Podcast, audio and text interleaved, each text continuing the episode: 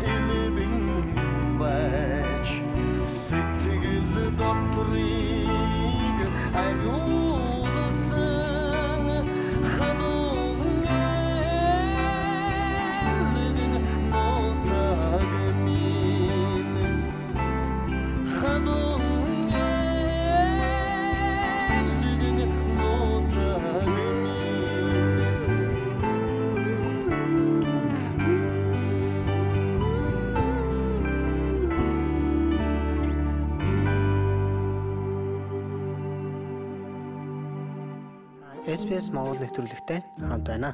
За сайн байцгаана уу? Австралид суугаа монголчуудаа та бүхэндээ бид 7 хоног бүр монголчуудаа түүх туршлага тэдний гаргасан амжилтыг хуваалцдаг үлээ. Энэ удаад Мельбурн капод оролцсон монгол уяачтай та бүхнийгээ танилцуулах гэж байна. Энэ бол Ус аймгийн Тэс сумын харьяат Жавын ганс өх Мельбурн капод сойсон морин тун амжилттай ороод байгаа юм. Тэгээд танд юуны түрэнд баяр хүргэе. Та амжилтынхаа тухай бидэнтэй хаваалцаач. За дэлхийн цомын орог Мельбурн кап Австрали улсад болсон. Тэгээд тэр уралдаанд байна. Буган зээгд гэдэг одоо Монгол нэртэй ямар маань. А сүүлийн 200 м хүртэл эхний 3 4 5 дахь байна тавкат эсвэл тавьсан байгаа. Тэгээд бас жаахан яаны хувьд бас жаахан цаг хугацаа орох юм уу та. Энд дэр бас жаахан алдаа гарчлаа гэсэн бодолтой. Гэтэ сайхан оролцсон. Дэлхийн донд тэмцээнд одоо оролцсон сайхан наадам болж өнгөрсөн байгаа. Хамгийн сүүлийн одоо хаалтын уралдаанд Австралийн шилдэгэн шилдэг мөрдийн уралдаан болж мээр алдсан мөр маань 3 болж өсгий цагаан хээр өрөө маань бас 3 за хандгай хээр гэдэг мөр маань дөрвөлж маш сайхан оролцсон байгаа гайхалтай. Монголчуудынхаа өмнөөс халуун баяр хүргэе. Яг тэгвэл энэ бол Австралид анх удаа монгол уяачийн сойсон морь инхүү амжилт гаргаж байгаад монголчууд бид нэр бүгдээрээ алга ташин баярлаж энэ мэдээг хүлээж авлаа. Одоо та өөрийнхөө тухай бидэнтэй ярилцаач. Таныг бол бид нар Увс аймгийн уяач гэдгээр нь л ер нь таньж байгаа. Таныг бас барилддаг гэдгийг бас хүмүүс тэр болгон мэдэхгүй байж магадгүй. Увс аймгийн тэссэн мөндөрсөн. Тэгээ манай тэссэн бол одоо 3-ны үлгий Тэсийн голын өмнө гэж алдартай Монголын хурдан гадартай газар байдаг. Тэгээ миний хувьд бол одоо тэгээд Улаанбаатар хотод төрөлцөө явж Усангаас ирж 20-р зууны Монголын Дамбын даав гэдэг сайхан багштай. Бияч шавар орч тэгээд цаашдаа бол энэ бол дэлхийн дэвшинд гарч уралдах хүсэл мөрөдөл зорилго бол бид хоёр хооронд ярилцаад тэгээд ирсэн байгаа. Тэгээд Австралиасаа Мельбурн кампус орч чадсан бол миний хувьд анхны жил ихэд бол маш гоё баяртай үйл явдал болсон байгаа. Миний хувьд бол үндэсний үзэлхтэй Монгол үндэсний хөрөө барилдаж усан аймагтаас 30 тулыг хүртэж байлаа. За тэгээд уяачийн хувьд бол аймын алдарт уяачийн боловсрол би илүүсэн байгаа Монголд. Монгол уяачийн ур чадварыг дэлхийд гайхуулна гэсэн зорилготойгоор Австралид ирлээ гэж анх та хоёр танилцж байхад та ярьж исэн. Монголчууд маань сонсуулах сонирхолтой санагдах. Чингисийн Монголын хөө энэ төвд морин төөргөний чимээ гараагүй ер нь гараагүй шүү дээ. Тэгээд тэрийг гаргахыг хүссэн бидний өрөөдөн магадгүй энэ төвдөөс түүх бүтээх цаг хугацаа ирсэн байхаа. Тэгээ одоо би бол одоо тийм зорилготой ирсэн. Тэгээд орд маань одоо энэ тийм том уралдаанууд туурын жимээгээр хэдийн Монгол мөр биш ч гэсэн тэгээд Монгол хүний улсын мөр төгөж байгаад энэ хувьд бол баяртай байгаа. Та Австралид ирээд бол жилч болоог байгаа тийм ээ? Би хавар 4 сар дээр тэгээд 2 сарын дараа тэгээд төчнүүдээр яваад ажилдаа танилцаад өөрийнхөө анкетаа өгөө тэгээд ажилдаа орсон байгаа. Тэгээд намайг бас одоо Монгол уялчууд нь байгаагүй учраас бас олон шалгалт авч тэгээ Австралийн бас нэлээд томоохон зүчэнд ажилд ороод мөрдөө явж байгаа. Тэр томоохон зүчэнд орох шалгуур мэдээж өндөр байсан баг. Тэгээ өмнө нь Монгол хүний ур чадварыг Австралийн уяач хараахан мэдээгүй байсан учраас өөрийгөө таниулсан тэр сорилт бас нэлээд өндөр байсан гэж та ярьж байсан. Энийг жоохон тодруулж яриач. Тий, ерөнхийдөө бол одоо дөрвөн шалгалт авсан. За тэгээ мордуудаас бол бас нэг зарим нэг мордуудыг бас иймэрхүү хөлмөлн тийм өвчтөө суугахтай хөвшин залууч гэдэг юм уу тийм мордууд байсан. Тэгээ би яг тийм мордуудаар голдуу уралдсан байгаа. Яг би яг тийм шилдэгүүд рүү бас ихэнд бол орж чадаагүй. Дандаа нэг тийм нэг яг согтой маяг тийм мордууд байсан. Тэд нар маань тэгээд төд бодлоо сар хөрхөөгүй анхны мордол ам үзүүдэл сар болол төрүүлээд ирсэн. Тэр хамгийн сайхан үнэхээр Монгол залуучууд маань олон залуучууд маань гарч уралдаарай. Энэ бол маш том боломж маш том зах зээл байгааг бол мэдэрсэн. Би таны саний ярьсан дээр бол бас нэг зүйлийг онцолж хэлмээр санагдлаа. Виктория мужийн хурдан морины клубүүдийн гэх юм уу тэр клубүүдийн уралдаанд таны уйсан морь бол бас нэлээд амжилттай орж ирснийг би санаж байна. 1000 гаруй хоног амжилт гаргаагүй морийг та уяад нэлээд дээгүүр тавьсан. Амуу зүүнд орсон гэж үлээ да. Та тэр тухайд тэр морины тухайд бас яриач. Тэр одоо Монгол уяар их юм бол жоохон таргалдгүй морь байлээ яг урд нь л рууйжсэн хүмүүс л бас жоохон оёг авах болчихсон маар байлаа. Жоохон тамирын суулгаад ирэн дээр нь одоо яг одоо хурдны тэгэн дээр нь тавьчих бол тэр бол хурдан маар нэг тийм хэлбэлзээд идэг тийм. Одоо бас жоохон дахиад эргээд бас жоохон болж өгөхгүй л байгаа. Тэр маар бол тэгээд бас нэлээл мэдрэмж шаардсан, харилцан ярилцаж ойлголт чадах бол тэр бол хурдан маар. Аа өөр одоо саяны одоо асфальтын хэлбэг хэлбэг дурлалсан халзуу аймын бол нэг жоохон хардаг тогшин тийм авир муутай байсан. Тэгээд одоо бол энэ бол арай хайцсангүй гайгүй болж байгаа. Гэтэ бас тийм магадгүй надаас яхан холбоод өөр үеэс тэр нэг яхан уяа заслын хийм гот аягээд бас жаахан идрээд тэгээд болохгүй байгаа. Энэ бол зүгээр манай Монгол уяачийн хувьд ялгаа нь бол бид бол адуутай ярьдаг, адууны хэлийг мэддэг. Энэ ялгаа нь бол хоорондоо харилцан ярилцаж үйдэг. Энэ бол одоо энэ уралдаануудад амжилт авах хамгийн давуу тал төлөвлөж байгаа. Аа Английн хурдан адуу стандартын дагуу бүх ажил явагдвал Монгол хүний уяжвал хоолунд нь яасан ямар хувийн гэдэг юм уу харилцан ярилцаад тэрнийхээ дагуу ажиллая. Бидний ялгаа бол ийм ялгаатай байлээ. Монгол уяа, сойлого, Английн гаралтай нь Австралид адуун жирэн ихэр тохирж байна. Та тэр клубын мэдээж стандартаас арай жоох өөр Монгол арга оруулсан арга барилаар ажиллаж байгаа бах тийм үү? Тэгэхээр яг монголчууд чүү гэхэд бол одоо морь одоо Монгол уяачийнхаа одоо хилээд байгааг намайг урагшил гэж байгаа юм мэддэг тийм ээ. чүүгээ давхдаг. Чүү урам өгөө зориг өгөө за орш давхаараа гэдэг шиг. Энэ зарим нэг одоо тийм уртан морины холбоотой, адууны холбоотой зүйлүүд энд бас байхгүй юм уу даа л гэж миний хувьд бас түгэлт хийсэн байгаа. Тэгээ монголчууд яадаг вэ? Ялгаа нь юу гэхэд 5 настайгаас бид нар чинь миний бол 5 настай урд нэмэрэнд мордж исэн байдгийг. Тэгээд энд бол одоо том хүн болоод одоо сургуулаа жигоогоо төгсөө тэгээд урдны мөр ундаг. Бидний хооронд бол бас их ялгаатай цаг хугацааны хувьд бол маш их ялгаатай зүйлүүд ажиглагдсан мэдгдсэн. Тэгээд монголчууд бол одоо малчин ард түмэн нүүдэлчин соёлтой адууныхаа дэргэд бол одоо төрхөөсөө аваад тэгэл хүртлэл адууныхаа дэргэд байдаг хүмүүс. Тэгэхээр бидний хооронд бас нэлээд олон ялгаатай зүйлүүд ажиглагдсан шүү. Уяа соёлгын хувьд юм байж харин адууны хувьд Монгол адуунаас юугаараа ялгаатай байдаг юм байна. Хурдан морины шинж монголчууд бол их нарийн шинждэг шүү дээ одоо. Өгч хэрхэг амтны одоо биеийн хэлбэр галбир тэр хурдан адуунд байдгаа гэж үздэг. Тэгвэл энтхийн адуунд ер нь тийм хэв шинж байх юм уу? Миний хамгийн гайхсан зүйл энэ байсан одоо хэдэн зуун жилийн түүхтэй, мянган жилийн түүхтэй ном судар дор тэр гөрөөсний шинжийн араасны шинжийг одоо авч төрсэн адуунууд хурдалдаг тийм ном судрууд байдаг. Та монгол хүмүүс бол морой шинжиж үйдэг байгаа. Гэтэл Английн одоо зөрчсөн хурдан адуунд бол одоо тэр Монгол адууны тэр гөрөөсний шинжид бол маш их байсан. Одоо бүхэн байсан, бууг байна, хүдэр байна, хулангийн шинж байна, хамгаа шинж байна. Тэгэхээр одоо миний хувьд бол одоо эднэр л ороод болдог адууныхаа удмыг хардггүй шууд гаднаас нь хараад шууд а энэ юм тийм тийм шинж байна гэдэг юм. За тэгээ луу гэдэг шинж бас байдаг. Тэгээ луу шинж бас байсан. Ялгаа нь энэ болсон. Тэгээ англи адуу бол 200-аас 300 жилийн одоо ингээд хүний оюун ухаан одоо ингэж одоо шилэгдмэл шилэг тонгож бүтээлч адуу байгаа. А Монгол адуу бол одоо 2 3 нөө түүнээс хэдэн 100 мянган жилийн одоо түүхийг бол хэлж таахгүй мэдэхгүй байд. Тэгэхээр тэр түүхийг улбоонд бол ингээд байгалийнхаа шалгуулаар ингээд амьдраад явдаг ийм хоёр адуу.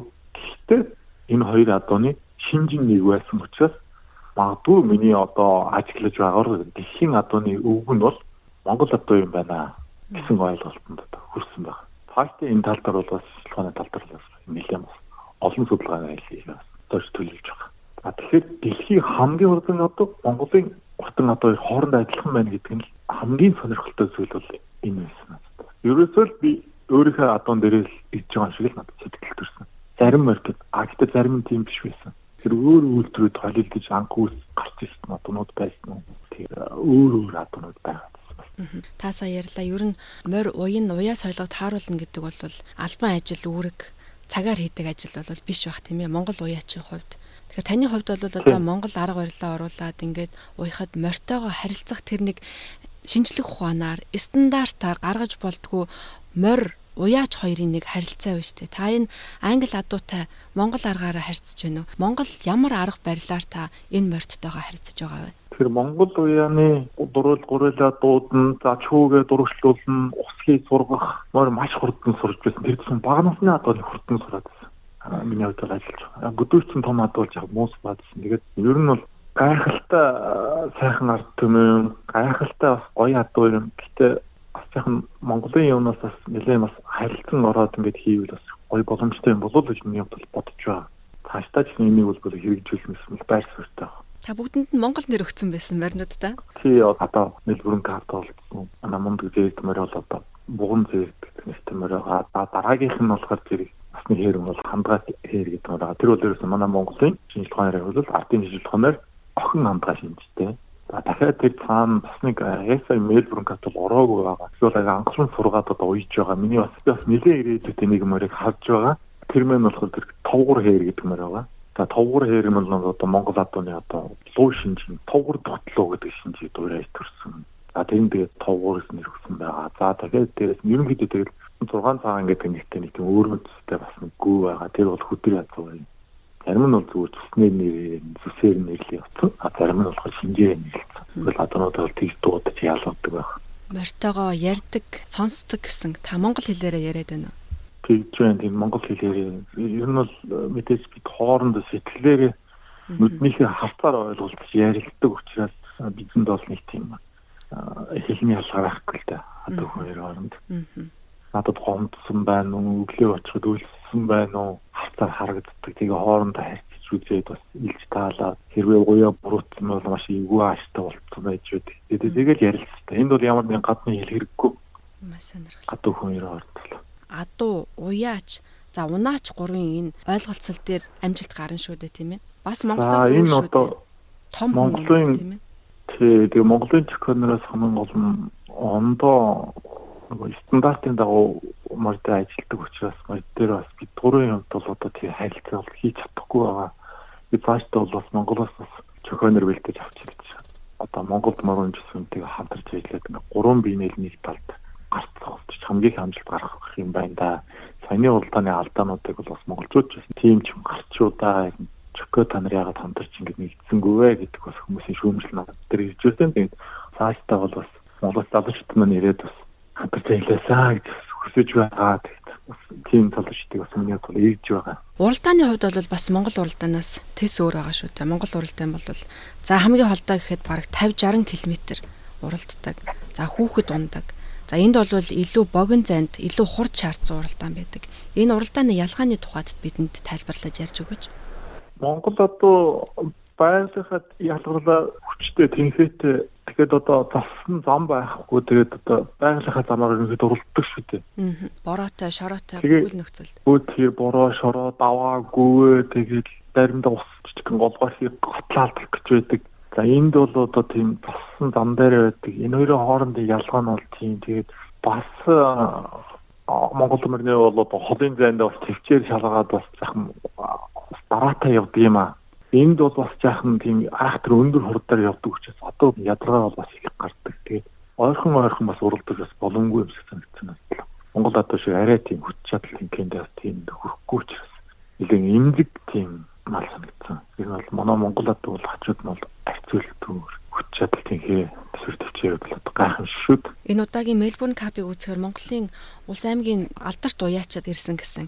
Таны уяац холгыг тааруулсан ямардыг тэд нар харж зөвлөж ярилцсан баг тийм ээ.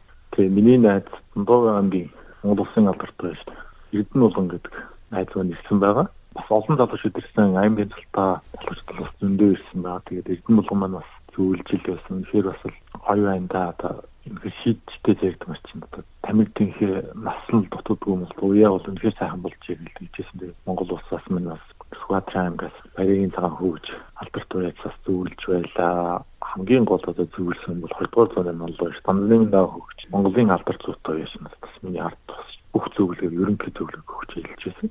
Тэгээд энэ олон хүний амжилтаар смарт маш сайн байх гэж одоо твийн аваргад 3 дугаар байр 2, 4 дугаар байр 2-ыг одоо авсан. Дэлхийн цомд морьмын өсвөр тавьсан маш сайхан тийм дурсамжтай анхны маш гоё зам гарсан. Сайхан наадам болж өнгөрсөн байна. Та бол дэлхийд Монгол уяачийн ур чадварыг гайхуулна гэсэн Австралид ирээд жил болоогүй хугацаанд ийм амжилт гаргаж байгаа.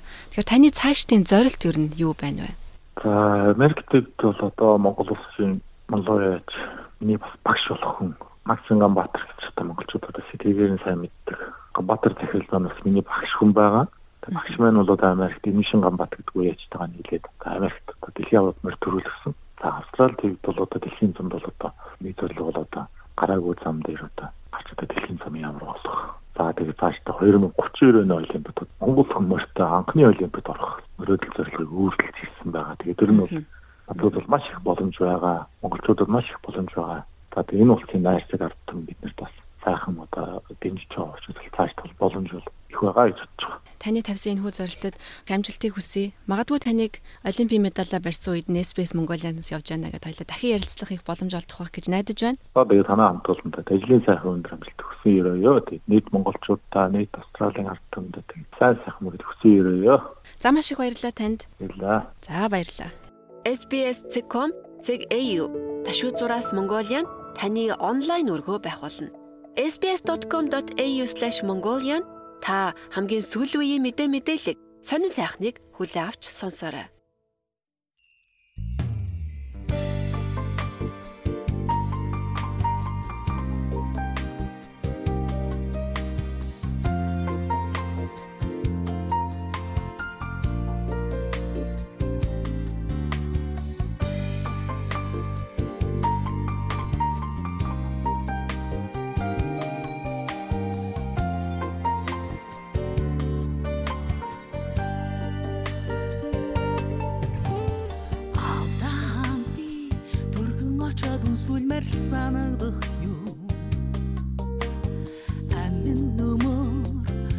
Дараагитан санаад утаг суусан хацраан өнөрлүүлмээр бодох юм. Гонгийн сүдэр үрээс чин хурдан үргэндэ Алдаа би хурдхан очоод үнсүүлмээр санагдах юм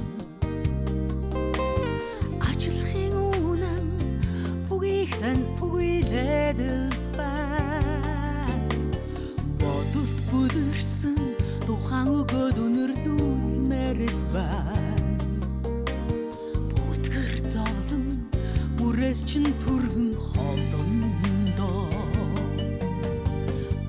Африка би зүдлээд байна. Алны тань халуун санагдаад байна. Самсаа шахирах нялх багын сэтгэлимэн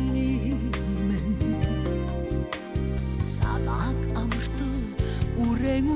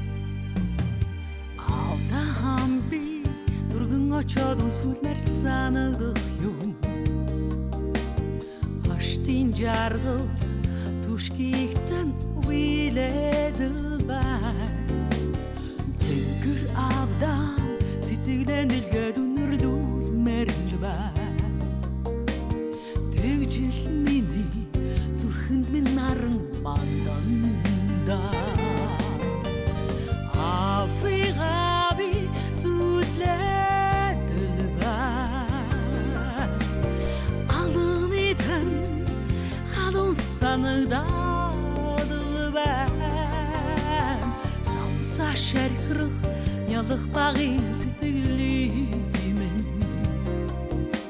санааг амартал үрэн үнсэж авмэн авигаби зүдэдэл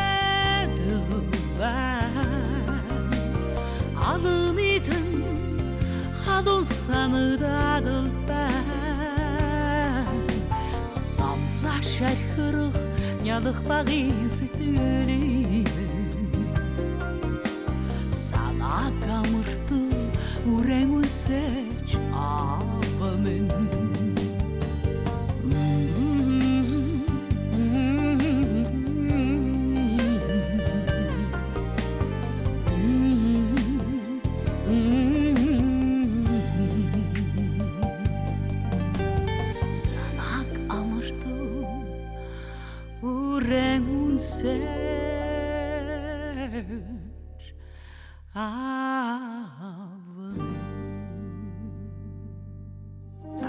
SPS Монгол нэвтрүүлэгтэй хамт байна. Австралид хэрэглэж байгаа антибиотикийн хэмжээ нэмэгдэж байгааг нь анхаарал татаж байна. Антибиотикийн өр нөлөө нийлүүлэлт хязгааргүй гэдгийг эмчнэр анхааруулж байгаа бөгөөд хэрвээ эрүүл мэндийн шинэ асуудал гарч ирвэл ноцтой үр дагавар гарч магадгүй юм хэмээн санууллаа. SPS A World of Difference. Антимикроболс нь бактери, мөөгөнцөр, шимэг чорхой, замун зарим төрлийн вирусын эсрэг хэрэглэгддэг өргөн хүрээний эм юм. Австралид хэрэглэн дахин нэмэгдэж эхэлжээ. Австралийн эрүүл мэндийн тусламж үйлчилгээний аюулгүй байдал чанарын хорооны шин тайланд 2020 онд гэхэд антибиотикийн эмийн хэрэглээ буурсан гэж гарсан. Харин ковидын тахлын үед 25% уналтын нэг хэсэг нь үргэлжилж байсан. За учир нь тухайн үеийн шин вирусын эсрэг тэмцэхэд хэрэглэгдээгүй юм. Энэ бол 2019 оноос эхлэлтэй буурсан эмийн үзүүлэлт байлаа. Гэвч өнгөрсөн жилээс эхлэн антибиотикийн хэрэглээ 10%-аар өссөн байна. Австралийн хамгийн их хүн амтай 3 муж болох Шинэ Өмнөд Уэльс болон Виктория, Квинсленд мужуудад хамгийн өндөр хэрэглээтэй гарчээ. Профессор Джон Турнидж бол Австралийн эрүүл мэндийн тусламж үйлчилгээний аюулгүй байдал, чанарын хорооны ахлах зөвлөх хэмжим. Тэрээр хэлэхдээ бид нэг талаараа антибиотикт хэд хамааралтай болсон байна хэмээн ярьсан юм а. Over the 50 years 50 60 жилийн өмнө бид пенициллинийг гайхамшигт эмийн жагсаалтанд оруулж байсан. Тэгвэл одоо антибиотик бүх төрлийн халдварыг эмчилдэг гэсэн ойлголттой болчиход байна. Харамсалтай бид өвчтнүүд антибиотикийн хүлээлтийн байдалд орсон ийм мөчлөгт antibiotic Эмчнэр антибиотикийг хэтрүүлэн хэрэглэх нь нянгийн эсрэг төсвөртэй байдлыг үүсгэдэг гэдгийг анхааруулж байна. Нянгийн эсрэг бодис болох антибиотик уувал нянгийн 99.99%-ийг нь устгадаг. Гэвч нянгийн багахан хэсэг нь байгалийн хамгаалалттайгаар үлддэг. Амьд бид үлдэж, үржиж, тэсвэртэй генүүдэд хуваалцдаг. Профессор Стив Робсон бол Австралийн анагаах ухааны нийгэмлэгийн ерөнхийлөгч юм. За тэрээр үйл явц татагдах тусам супер хор гэж нэрлэгддэг зүйл гарч эхэлдэг гэлээ. Superbugs are lethal. Ийм супер хорнууд үхэлд хүргэдэг. Тэд Австрали болон дэлхийн өнцөг болон борт өвчтнүүдийн амийг авч удаж байна. Одоогоор бидэнд тус болох хэд хэдэн хүчтэй антибиотик байгаад бид азтай. Гэхдээ бид эдгээр антибиотикуудын хүчийг нь алдвал асар их хүнд асуудалд орно. Мөн халдвартай хүмүүсийг эмчлэх боломжгүй. Профессор Робсон хэлэхдээ супер хор нь үхлийн аюултай төдийгүй хурдан үйлчилдэг гэлээ. Тэсвэртэй болсон олон нянгаар хүн маш хүнд өвддөг. Заримдаа онцлогдохоос өмнө өвчтөнд нас барах тохиолдолж бий. Энэ нь улс орны эмнэлгүүдэд тохиолдсоор байна. Маш ноцтой асуудал юм а. and it's a serious problem. Антибиотикийн хэрэглээгээр тэргүүлдэг дэлхийн орнуудын жагсаалтанд Австралийн эрүүл мэндийн систем том хувь нэмэр оруулдаг. 2021 онд эмнэлгүүдэд бичсэн нийт антибиотикийн бараг 4-ний 1 нь шаардлагагүй байсан гэж үзжээ. Мөн ахмад насны асрамжийн газар болон газар тариалангийн ажилд хэд их хэрэглэж байгаа нь анхаарал татаж байгаа юм. Профессор Робсон хэлэхдээ хүмүүс хичнээн их хамааралтай болсон ч антибиотикийн нийлүүлэлт хязгааргүй байдаг гэдгийг санах хэрэгтэй гэлээ.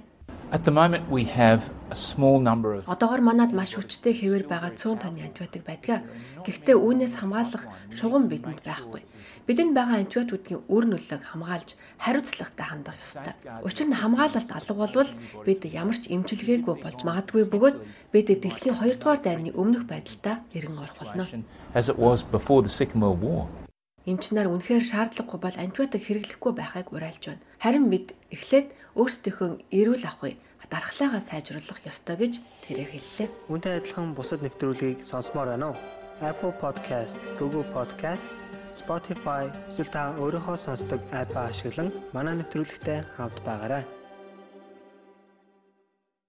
Та SPS Монгол нэвтрүүлэгтэй хамт байна. Сайн байцгаана уу сонсогчдоо. SBS радио Австралийн тухайн нэвтрүүлгийн ээлж дугаараараа хувийн хэрэглээний зээл авахд мэдэх ёстой зарим алхмыг тайлбарлан ярилцах гэж байна. Амжиргааны зардал улам бүр нэмэгдэж байгаа энэ үед хувийн хэрэглээний зээл авах хүний тооч нэмэгдсээр байна. Тиймээс аливаа зээлийн гэрээ байгуулахаас өмнө анхаарч үзэх хэрэгтэй хэд хэдэн хүчин зүйл байгааг хамтдаа ярилцъя. SPS Монгол нэвтрүүлэг таны гар утас болон цахим хуудасд нийлдэхтэй байна.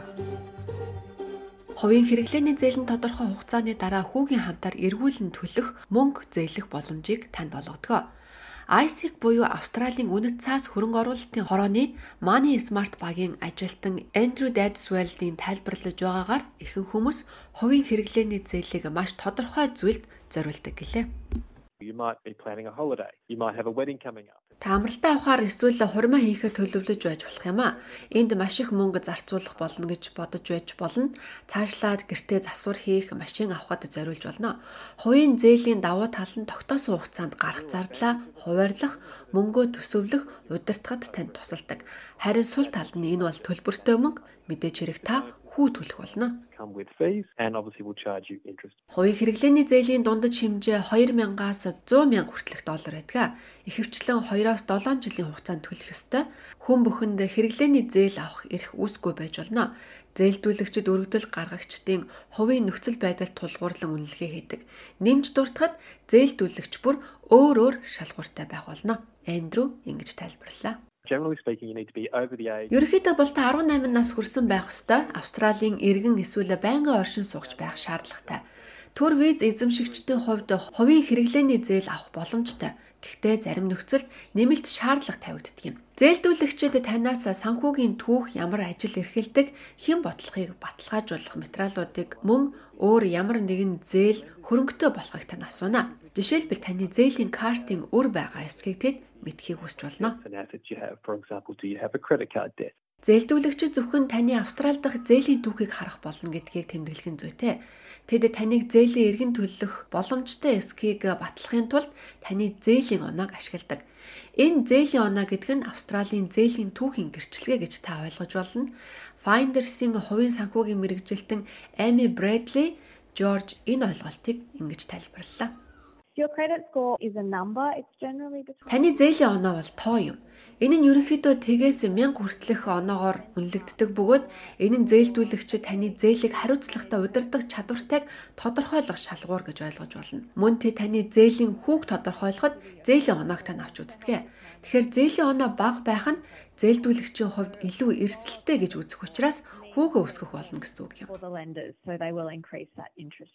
Хэрэг та өмнө нь зээлийн картын төлбөр эсвэл зээлийн төлөлтөө хийгээгүй бол таны зээлийн оноонд нөлөөлж болзошгүй юм. Нэгэн зэрэг хэд хэдэн зээлдүүлэгчдэд хандаж өргөдөл гаргах нь таныг санхүүгийн дарамтанд орсон гэж харагдуулах юм а. Зээл авах хүсэл гаргахаас өмнө зээлдүүлэгчид тэдний хүү болон холбогдох хураамжийг судлаж үзэх хэрэгтэй гэж Эндрю зөвлөж байна. Мөн зээлийн хугацааг сайтар бодож үзээрэй. For example, if you want to borrow $5,000 over five Жишээлбэл хэрв та 5 жилийн хугацаанд 5000 долларын зээл авахыг хүсвэл энэ хугацаанд та ойролцоогоор 6800 долларын зардал гаргах болно. Тэгэхээр та хураамж хүүнд 1800 орчим доллар төлж байна гэсэн үг. Хэрв та 2 жилийн хугацаанд 5000 долларын зээл авсан бол хүү шимтгэлд ойролцоогоор 1000 доллараар баг төлнө. Тиймээс та зардлаа тарааж эргэн төлөлтөө баг байлгах уу эсвэл богино хугацаанд төлөх үү гэдгээ тооцоолох хэрэгтэй. Or pay it off over a short period of time. Австралид Money Smart гэдэг нэртэй вебсайтууд байдаг. Энэ бол австралчууд санхүүгийн шийдвэр гаргахад нь туслах зорилготой холбооны засгийн газрын вебсайт нь. Та энд зээлийн хэмжээ болон хүүгийнхээ хэмжээг оруулахад эргэн төлөлтийг тооцоолдог. Банкуд болон хамтын банкуд буюу харилцагчийн өмчөд банкуд гэж байдаг. За эдгээр санхүүгийн байгууллагууд таны хэрэгцээнд тохируулан өөрчилж болох төрөл бүрийн хэрэглээний зээлийг санал болгодог. Heritage and People's Choice гэдэг байгууллагад ажилладаг Paul Farmer ингэж зөвлөж байна. Эдгээр санхүүгийн байгууллагууд ерөнхийдөө илүү өрсөлдөхүйц хүү санал болгодог. Мөн хэрэглээний зээл санал болгодог банк бус санхүүгийн зээлдүүлэгчид байдаг. Тэдний зээлийн үнэлгээний шаардлага нь банкудаас ерөнхийдөө арай бага байдаг. Гэхдээ ийм зээлд та илүү өндөр хүү шимтгэл төлнө гэж бодоорой. Хэрэглээний зээлийн хоёр үндсэн төрөл байдаг. Энэ бол баталгаажсан болон баталгаажаагүй зээл. Баталгаад зээлийг машин гэх мэт томоохон хөрөнгийг худалдаж авахд ашигладаг. Пол Фармер ингэж тайлбарлаж байна. Баталгаажсан зээл гэдэг нь зээлдүүлэгч таны хөрөнгийг баталгаа болгон авч байгаа юм. Хөрөнгө гэдэг нь таны хувийн зээлээрээ худалдаж авсан эд зүйлс. Зээлдүүлэгч нь хөрөнгийн баталгааг авч байгаа шалтгаан нь хэрв та зээлийн амлалтаа биелүүлж чадахгүй бол алдагдлын эрсдлийг бууруулах зорилготой таны зээлийн хүүгийн хэмжээ таны барьцаалсан хөрөнгийн насжилтаас хамаарч өөр өөр байж болно. Зээлдүүлэгч таны хөрөнгийг баталгаа болгож байгаа тул хэрв та мөнгө төлөөгүй бол таны эд хөрөнгийг авах боломжтой. Баталгаад зээл нь ерөнхийдөө тогтмол хүдэ байдаг. Та хөрөнгөө даатгах шаардлагатай байж магадгүй юм а. За хоёр дахь хувилбар нь баталгаажаагүй зээл. Энэ нь уг хөрөнгийг баг ямар ч зорилгоор ашиглах боломжийг олгодог гэж фармер тайлбарллаа. Баталгаажаагүй хэрэглээний зээлийн хувьд та хөрөнгөө баталгаа болгон өгөх шаардлагагүй. Гэхдээ ерөнхийдөө өндөр хүү төлнө. Зээлдүүлэгч таны зээлэх хэмжээ хязгаарлах болно. Зээлийн хэмжээ ерөнхийдөө 2000 доллароос 20000 хүртэлх хэмжээтэй байдаг юм а. Generally from $2,000 to $20,000. Хэрв хэрэглээний зээл авахд та бүх шаардлагыг хангаж эргүүлэн төлөх боломжтой гэдэгтээ итгэлтэй байгаа бол өөрийн сонгосон зээлдэгчтэй шаардлагатай бичиг баримтыг явуулж онлайнаар хүсэлтээ гаргаж болно. Гэхдээ зээлийн хүсэлтээс татгалзах нь элбэг байдаг гэж гэж Бренди Жорж тайлбарлаж байна. Хэрв таны өргөдлийг шалгаж таны орлого эргэн төлөлт хийхэд хангалтгүй гэж үзвэл өргөдөлд татгалзаж магадгүй. Мөн орлоготой холбоотойгоор авч үзвэл таны тогтвортой ажил хийдэггүй, ажилдаа хангалттай удаан хугацаагаар ажиллаагүй зэрэг нь өргөдлийг татгалзах шалтгаан байж болно. Та хэрэглээний зээлээ авсан ч таны санхүүгийн байдалд бас нөлөөлж болох юм. Цаг хугацаа бүрдэн нэргэн төлөлтөө хийхгүй бол нэмэлт хураамж төлөх шаардлагатай болно. Энэ нь цалингийн зээл авах эсвэл зээлийн картын хязгаарыг нэмэгдүүлэх зэрэг яаралтай арга хэмжээ авахд хүргэж өрийн дарамтыг нэмж болох юм. Хэрв та хүнд хэцүү байдалд орвол зээлдүүлэгчтэйгээ санхүүгийн бэрхшээлийнхаа талаар ярилцах нь чухал. Тэд таны зээлийн нөхцөлийг өөрчлөх боломжтой. Money Smart-ийн Андрю мөнгөний асуудалтай тулгарсан бол санхүүгийн зөвлөгтэй ярилцахыг зөвлөж байна. Санхүүгийн зөвлөхүүд үн төлбөргүй ажилтгаа. Та үндэсний өрийн тусламжийн утас болох 1800 тэг тэг 7 тэг тэг 7 дугаараар холбогдож болно. Хэрв таны англи хэлний мэдлэг хүрэхгүй эсвэл англи хэл таны хоёр дахь хэл бол орчуулагчийн үйлчилгээг ашиглаж болно. Тэд танд үндэсний өрийн тусламжийн утсаар ярихад туслах болно. Та санхүүгийн ямар нэгэн үйлдэл хийх гэж байгаа бол скам буюу луурчдын тухай мэдээллийг үргэлж шалгаж байгаарай. Money Smart вебсайт нь заллин мэхлэлтийг таньж мэдхэд туслаж хэрв та хохирсон бол дараагийн алхам юу байх тухай мэдээллийг танд өгдөг. Хэрвээ тантай хувийн хэрэглээний зээлийн талаар холбогдож байгаа бол тухайн компани эсвэл таны харьцаж байгаа хүний үнэмлэхийг заавал шалгаж үзээрэй. Тэдэнд та юу ч битгий зөвшөөр, үргэлж зохих шалгалтыг хий, үргэлж судалгаа хий. Хэрвээ та эргэлзэж байгаа бол тусламж хүсээрэй. if you're in doubt, ask for help. Австралид амьдрахад танд хэрэг болох мэдээллүүдийг та SBS Mongolian хуудасаар орж аваарай. SBS Mongolian Facebook хуудасд нэгдээрэй. Apple Podcast дээр манай нэвтрүүлэгт үнэлгээ өгнө үү? Энэ манай нэвтрүүлгийг хайж олоход бусдад бас туслах юм. Манай нэвтрүүлгийг та гар утсаараа үнгүй сонсож болно. sbs.com.au/mongolian эсвэл SBS аудио апыг яг одоо татаж аваарай. Та SBS Монгол хэл дээрх радио хөтөлбөртэй хамт байна. Та SBS Монгол нэвтрүүлэгтэй хамт байна. Хөл бөмбөгийн 2026 оны дэлхийн аврах шалгуурлах тэмцээнийг Австрали даяар SBS шууд дамжуулан үзүүлнэ.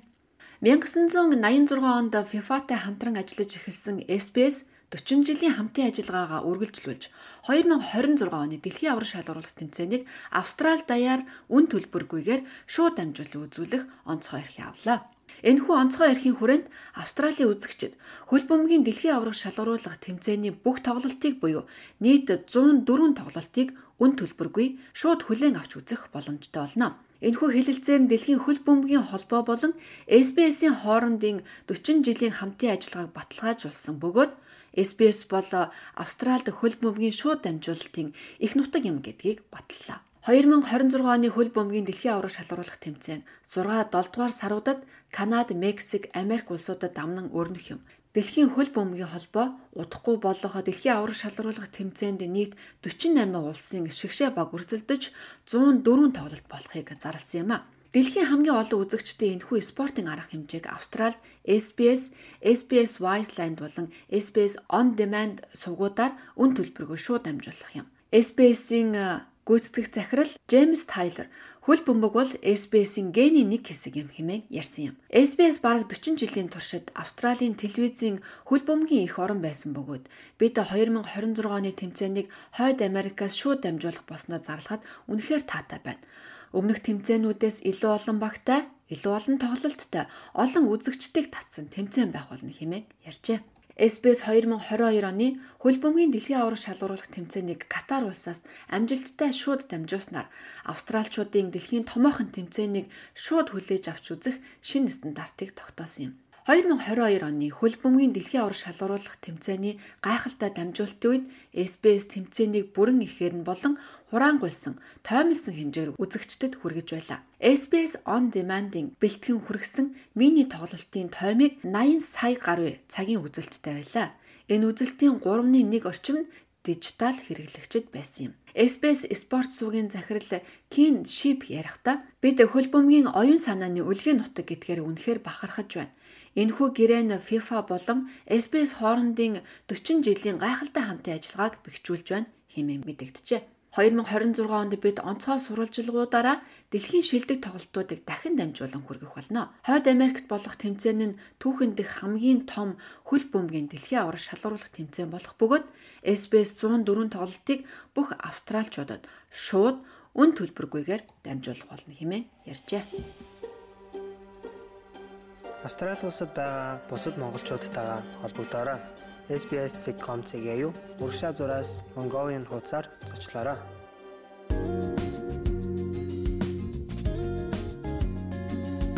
Play дарж долгионоо тааруул. 60 өөр хэл дээрх мэдээ, сэтгэлд нийцсэн хөгжим, сонсохгүй байхын аргагүй хэрэгтэй подкастууд таныг хүлээж байна. SBS аудио апыг татаж ав. Эсвэл sbs.com.au/audio зочлоорой.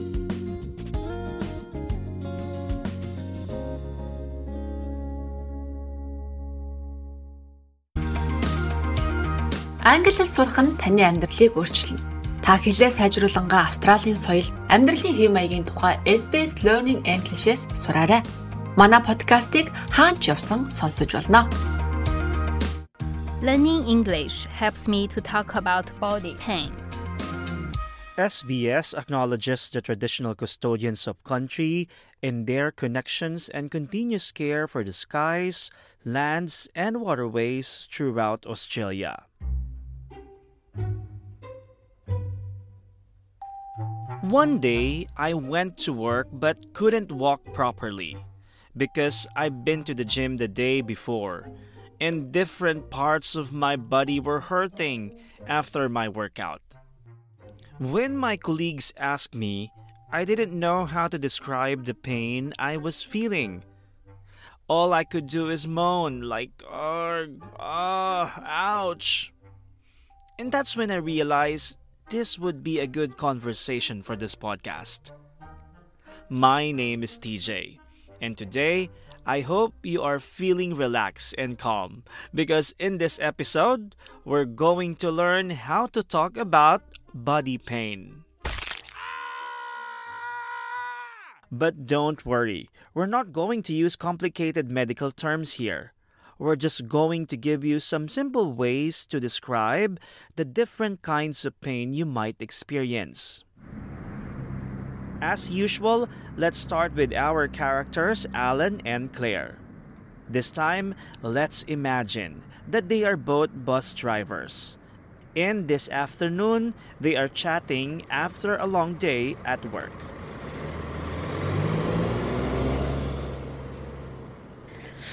Ugh, my back is killing me. I think it might be from sitting at the wheel for hours every day. Oh no. Where does it hurt most? Mainly in my lower back, but sometimes the pain can transfer to my shoulders as well. It's a nagging pain. It doesn't really go away. You've been complaining about it for a while now. Yes, I know. It's definitely chronic, but I don't seem to be able to do much about it. Oh, by the way, how's your leg? I remember you said it was sore last week. Ah, that's just because we did a long hike. My leg muscles ached for the next few days, but that's faded now. Thank goodness. Now I just have a pain in my knee. Oh, that's terrible. Knees are so important. Is it a sharp pain or a dull ache? It's quite acute and intense. My knee often throbs, especially after I've been driving for a long time. Sounds awful. Have you thought about seeing a physio? After listening to that conversation, it's not my back that hurts, but my head. But there were a lot of useful words and phrases we can use to talk about pain. Let's hear them again. First, Claire said, Ugh, my back is killing me. I think it might be from sitting at the wheel for hours every day. Claire said her back is killing her.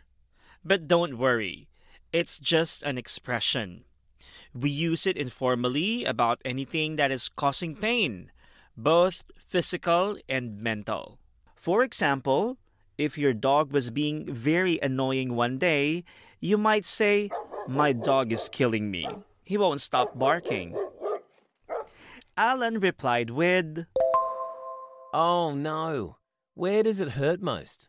When you are describing your pain to someone, it helps to do that in three different parts where you are feeling it, how often or how long you feel it, and what type of pain it is. First, where is the pain? Alan asked Claire, Where does it hurt the most? To which Claire responded, Mainly in my lower back, but sometimes the pain can transfer to my shoulders as well. Your lower back is the bottom part of your back. If the pain transfers from one place to another, it means that it moves to another part of your body. Claire then describes how long she is experiencing it. It's a nagging pain. It doesn't really go away. When someone describes the pain as nagging, they are saying that the pain is there all of the time, or most of the time. It might not be very strong, but it can be annoying and make you feel uncomfortable. She also used another term with a similar meaning. It's definitely chronic, but I don't seem to be able to do much about it. A chronic pain or condition is a pain or condition that lasts for a long time and just won't seem to get better. We usually use the word chronic to describe something that won't go away so that we may have to manage to live with it rather than expect an instant cure. Oh, by the way, how's your leg? I remember you said it was sore last week. When someone asks, How's your leg? They're checking to see if your leg is feeling okay. You can use it for other parts of the body too. How's your back? How's your neck?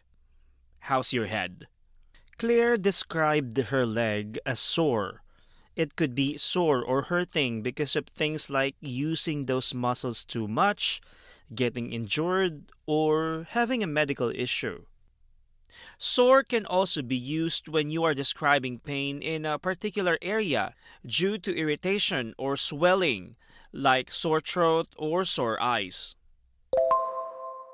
Ah, that's just because we did a long hike. My leg muscles ached for the next few days, but that's faded now. Thank goodness. Now I just have a pain in my knee.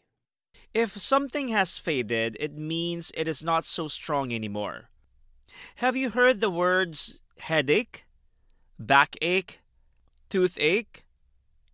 The word ache is used to describe a continuous pain in various body parts. So, the third part of describing pain is the feeling itself. This can be hard because we all feel differently, but there are some words that are useful to know. Let's have a listen to some of the ways Alan and Claire describe their pain. Ah, that's terrible. Knees are so important. Is it a sharp pain or a dull ache? It's quite acute and intense. My knee often throbs, especially after I've been driving for a long time. First, Claire asks if the pain is a sharp pain. Just like a knife is sharp, a pain can feel like it is cutting into you. Alan said his pain was acute and intense, which means that is very strong. An acute pain is very painful and can be difficult to bear. If a pain is intense, then it is strong but may not be continuous. A dull ache, however, usually lasts a long time but is not so strong. Alan also said that his knee throbs. When someone says the pain is throbbing, they feel a rhythmic ache, like a heartbeat or pulse. It's like the pain comes and goes in a pattern. Sounds awful. Have you thought about seeing a physio? Claire suggested seeing a physio, which is a short way of saying a physiotherapist. Keep listening, and our guest physiotherapist will explain what they do and how they can help with your body pain. But first, let's listen to the whole conversation between Alan and Claire one more time. Ugh, my back is killing me. I think it might be from sitting at the wheel for hours every day. Oh no. Where does it hurt most? Mainly in my lower back, but sometimes the pain can transfer to my shoulders as well. It's a nagging pain. It doesn't really go away. You've been complaining about it for a while now. Yes, I know. It's definitely chronic, but I don't seem to be able to do much about it. Oh, by the way, how's your leg? I remember you said it was sore last week. Ah, that's just because we did a long hike. My leg muscles ached for the next few days, but that's faded now. Thank goodness. Now I just have a pain in my knee. Oh, that's terrible. Knees are so important. Is it a sharp pain or a dull ache? It's quite acute and intense. My knee often throbs, especially after I've been driving for a long time. Sounds awful. Have you thought about seeing a physio? Our colleague from SBS Australia explained that Yumi Oba spoke with a senior physiotherapist in Port Adelaide, Anna Fong, and discussed what is a physiotherapist. Let's have a listen. What exactly is a physiotherapist? That is a big question. Traditionally, physios work at undoing pain and body injuries, mainly things like sports injuries or age related injuries or work posture issues and anything that might have happened post op. So some doctors will operate and there might be a need for physiotherapy afterwards, so we do that as well. So in a nutshell, physios will look at assessing, treating and rehabilitating people with pain or movement disorders. So, what are the most common types of body pain that your patients complain about?